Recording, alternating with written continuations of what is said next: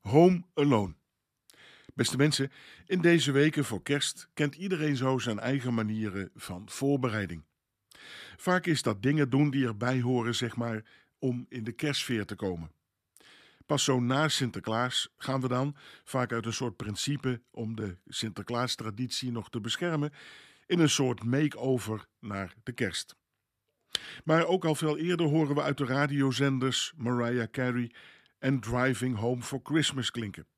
Komen de winkels en de huiskamers langzaamaan in de kerstsfeer, zijn er kerstmarkten en verschijnen de eerste oliebollenkramen weer. Tot de klassieke sfeerverhogers, zeker voor de romantici onder ons, en eerlijk gezegd hoor ik daar soms ook wel toe, horen ook de traditionele kerstfilms. Kerstflixen, zeg maar. Ach, u kent ze wel van oudsher, Sissy natuurlijk, waar mijn moeder al naar keek met chocolademelk en kerstkransjes. Maar in de modernere filmhitlijsten staat vooral Home Alone al jaren strak bovenaan.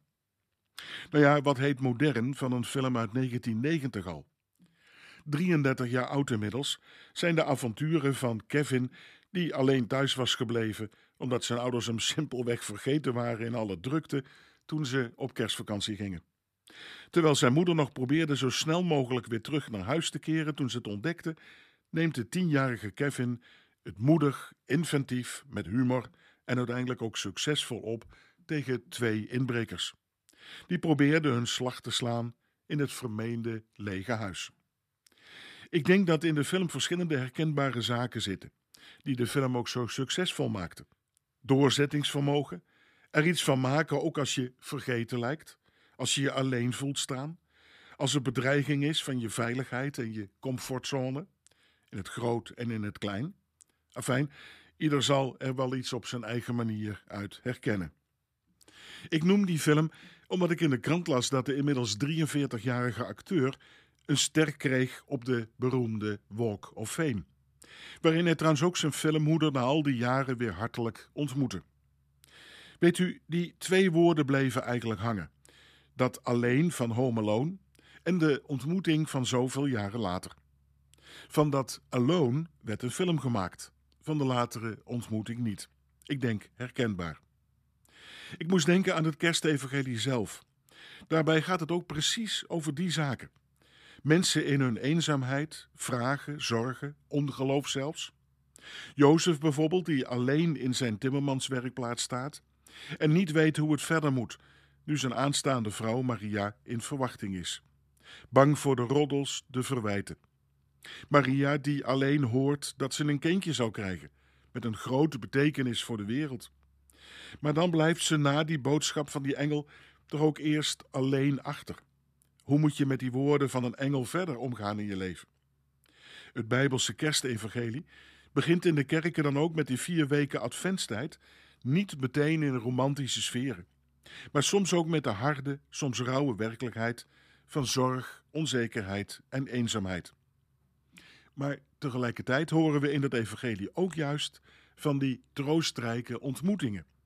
Van een engel die zegt dat het kind juist een kind van ontmoeting zal zijn, met God en met elkaar. Het kind dat geboren zal worden, zal Emmanuel genoemd worden, God met ons. Maria die bij haar tante Elisabeth steun zoekt. Jozef die toch in de liefde blijft geloven en blijft kiezen voor Maria. Juist in het kerstevangelie horen we van een God van de ontmoeting.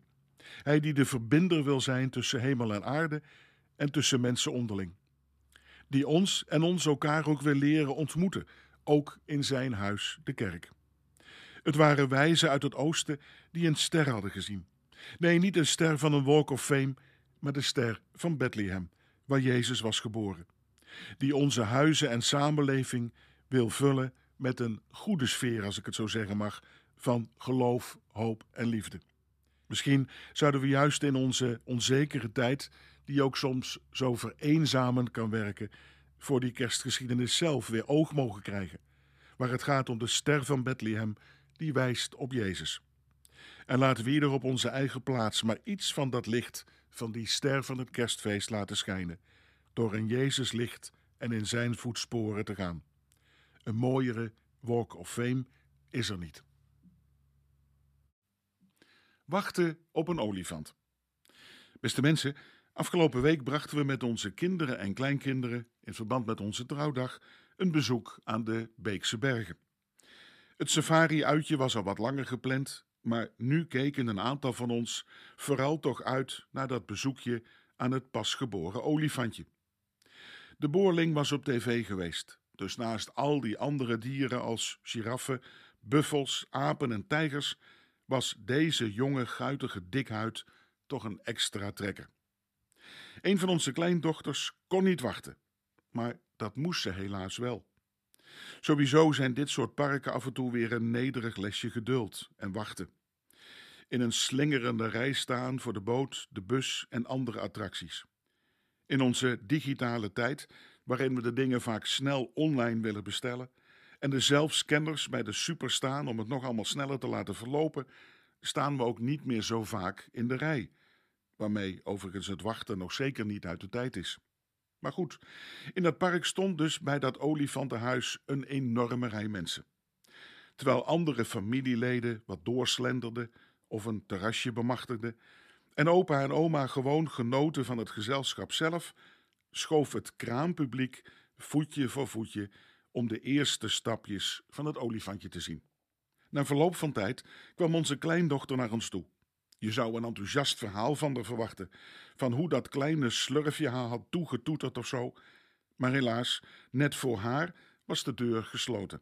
Tot grote teleurstelling natuurlijk, van die resterende rij wachters, waarvan zij de eerste was en dus ook de laatste. Niks verhaal op school dus. Nou ja, dit verhaal van teleurstelling, dat paste misschien eerder bij het vak levensbeschouwing, van over hoe je met tegenvallers moet omgaan, dan bij het vak biologie.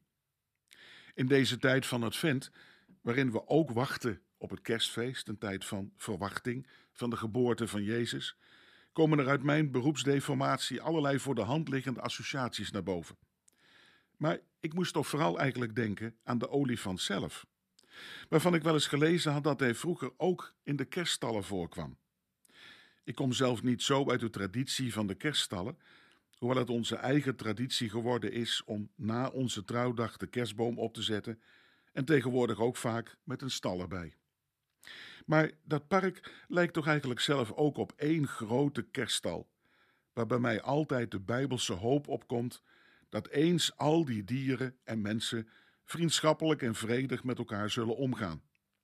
Bij een van de profeten, bij Jesaja, lees ik dan: Dan zal een wolf zich neerleggen naast en bij het lam, een panter vlijt zich bij het bokje neer, kalf en leeuw zullen samen weiden en een kleine jongen zal ze hoeden. Een koe en een beer zullen samen grazen, hun jongen liggen bijeen en een leeuw en een rund eten beide vredig stro. En zelfs bij het hol van een adder speelt een zuigeling. Een prachtig vooruitzicht naar een tijd van vredig samenleven waar gerechtigheid en trouw heersen in plaats van angst en dreiging. Ik denk dat dit soort Bijbelgedeeltes ook die oude monnik Franciscus van Assisië geïnspireerd heeft in de tijd. Om rondom de afbeelding van Jezus' geboorte niet alleen Jozef en Maria, de herders, de wijzen en de engelen te plaatsen, maar ook dus volop de dieren. Wij kennen dan vooral de os en de ezel, de schapen en de kamelen van de wijzen. Maar in verschillende andere culturen komen we veel meer dieren tegen, dus ook vaak die olifant. Dat stoere beest, vriendelijk, maar met een dikke huid, en net als de kameel een vervoermiddel in het oosten. Met al die verschillende dieren kreeg die stal ook iets van de ark van Noach. Een stal ook van hoop, van redding voor mens en wereld. Ook bij de ark van Noach zien we dan vaak een lange rij dieren voor de ark staan totdat de deur gesloten wordt. Die rij heeft dus aan de ene kant iets uitnodigends, maar ook met een zekere grens. Voor mij is het kerstfeest zelf toch elk jaar weer een uitnodiging om bij Jezus te komen. Oh nee, bij de meeste kerken zie ik helaas geen lange wachtrijen meer. Maar misschien ook wel gelukkig, om aan te geven dat de deur open is, dat er plaats is voor iedereen voor wie verwachtend wil uitzien naar woorden van nieuw leven, van vrede, verzoening, troost en hoop in deze vaak zo angstaanjagende wereld. En die deur staat gelukkig voor iedereen open voor een geduldige oefening in geloof, hoop en liefde rondom het kind van vrede. Ik kan niet wachten.